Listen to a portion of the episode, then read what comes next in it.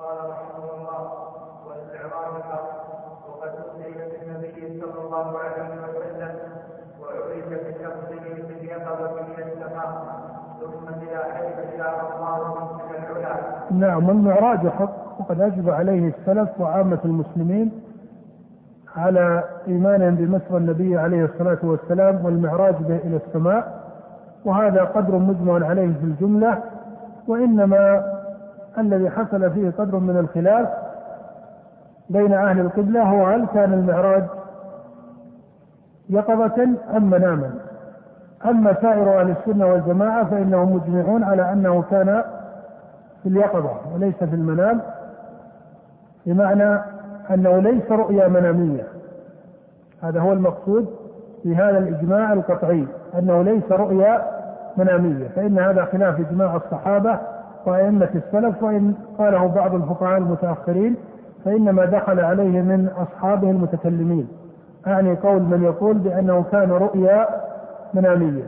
ونسبه بعض المتأخرين إلى بعض المتقدمين بل نسبه بعضهم إلى بعض الصحابة ولا يصح عن أحد من الصحابة أنه جعل المعراج والإسراء رؤيا منامية. بل لا شك أنه كان حقيقة. وإن كان نقل عن بعض المتقدمين أنهم قالوا إنما عرج بروحه. وفرق بين قول من يقول إنها رؤيا منامية وبين من يقول إنه عرج بروحه فإن المعراج بالروح يكون على التمام لها. والذي عليه عامة السلف بل حكاه بعضهم إجماعا أن المعراج به صلى الله عليه وسلم وكذلك الإسراء من باب أولى أنه كان على الحقيقة بروحه وجسده. وهذا هو المحفوظ عن عامة الصحابة وعليه عامة أئمة السلف وهو الذي دل عليه ظاهر القرآن والسنة بل وصريح السنة. فإن النبي عليه الصلاة والسلام كما في الصحيحين وغيره ذكر استفتاح جبريل وأن معه محمد ويقال له من؟ فيقول جبريل إلى غير ذلك. ومن انغلق عليه كيف يعرض بشخصه وجسده فهذا جهل ولا يكون إلا فرعا عن عدم الفقه لمعنى كونه عرج به فإن الذي قدر ذلك وشاءه وأحكمه هو الله سبحانه وتعالى والله على كل شيء قدير.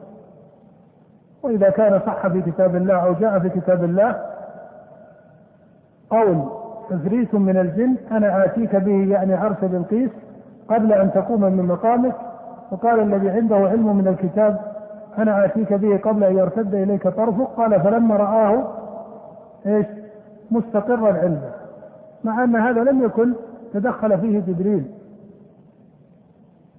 فكيف إذا كان الله سبحانه وتعالى قدر أن جبريل عليه الصلاة والسلام هو الذي يقوم بهذا الأمر الذي أمره الله سبحانه وتعالى به وبعثه إليه. فلا شك أنه ليس هناك في مقتضى العقل ما يعارض ذلك. وكما أسلفت أن كل من زعم مخالفة شيء من القرآن للعقل فإنما يزعم ذلك زعما مبنيا على القياس إيش؟ الحسي الذي يرتبط بقدرات بني آدم وخصائصهم الممكنة الناقصة المحتاجة. فالقصد أن المعراج هو مسألة خبرية مبنية على خبر الشارع قد أخبر الله في كتابه أنه أسرى بنبيه وظاهر القرآن يدل من غير وجه على المعراج وجاء صريحا في السنة في الصحيحين وغيرهما من حديث أنس وحديث أبي ذر حديث مالك بن صعصع وغيره. نعم. قال ثم إلى حيث شاء الله. هو وصل عليه الصلاة والسلام إلى السماء السابعة.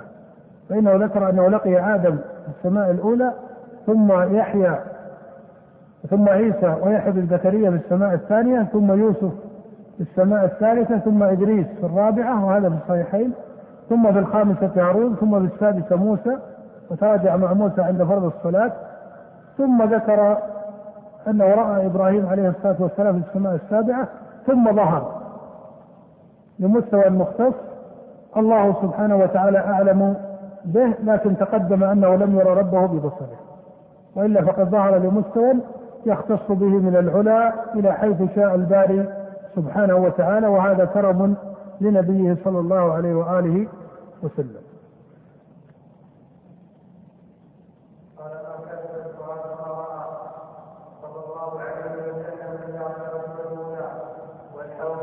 هذه الآية مختلف في تفسيرها هل المقصود رؤية الله بالفؤاد أم هي رؤية جبريل؟